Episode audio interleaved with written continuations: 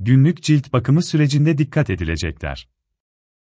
Cildin temizlenmesi, çevresel etkenlerle ciltte biriken kirler, ter, yağ gibi kişisel salgılar ve dökülmekte olan ölü cilt hücreler temizlenmelidir.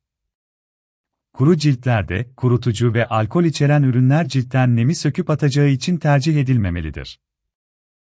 Hassas ciltlerde, yumuşak sabun içermeyen likit bir temizleyici sonrası gliserin, hyaluronik asit gibi ürünlerle formüle edilmiş nem kaybını azaltan nemlendiriciler kullanılmalıdır.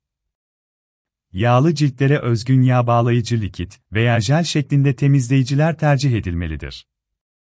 Fren bazlı, kakao yağı, lanolin içeren sabunlardan uzak durulmalıdır. Ergenlik çağındaki gençlerde görülen hormon değişiklikleri nedeniyle yağlı ve akneye yatkın cildin temizliği ve doktor tarafından önerilen ürünlerin düzenli kullanılması önemlidir. Cilt temizliği günde 2-3 kezden fazla yapılmamalıdır.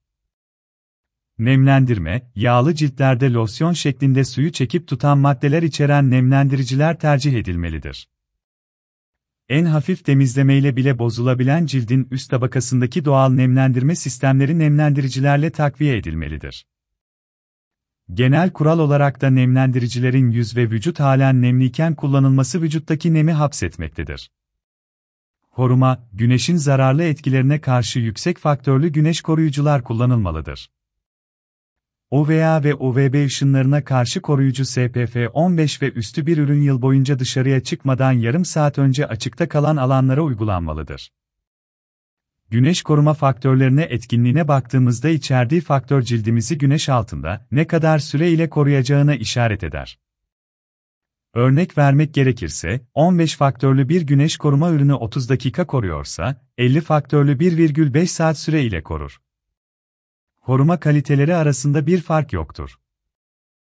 15 faktör bir ürün kullanırken, ürünün daha sık aralıklarla tekrarlanması gereklidir, 50 faktörlü ürün koruyuculuğunu sağlayacaktır. Yağ içermeyen, oilifre ve gözenekleri tıkamayan güneş koruyucular tercih edilmelidir. Cilt bakımı süreci Cilt bakımında öncelikle cilt makyaj artıkları, yağ gibi çevresel etmenlerden temizlenerek başlanır. Sonrasında iki aşamalı dört kez uygulanan cilt temizleme işlemine geçilir. Temizlik bakımın esasını oluşturur. Çünkü temiz bir cilt sonrasındaki yapacağımız uygulamaları kabul etmek için hazır hale geliyor. Hafif bir soyma işlemi ile cilt ölü hücrelerden arındırılır.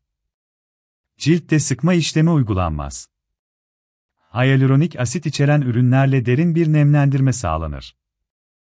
Sonrasında biyostimülasyon dediğimiz aşamaya geçilir ve cildin ihtiyacına göre çeşitli maske ve serumlar ile tamamlanır. Sonra cildi besleme aşamasına gelir. Son olarak cildi rahatlatıcı losyon ile göz ve göz kenarlarına botoks etkili serumlar ile işlemi sonlandırılır. Süreç içerisinde ihtiyaç duyulması durumunda cildin yapısına göre ek bakım ve tedavi işlemleri uygulanabilir.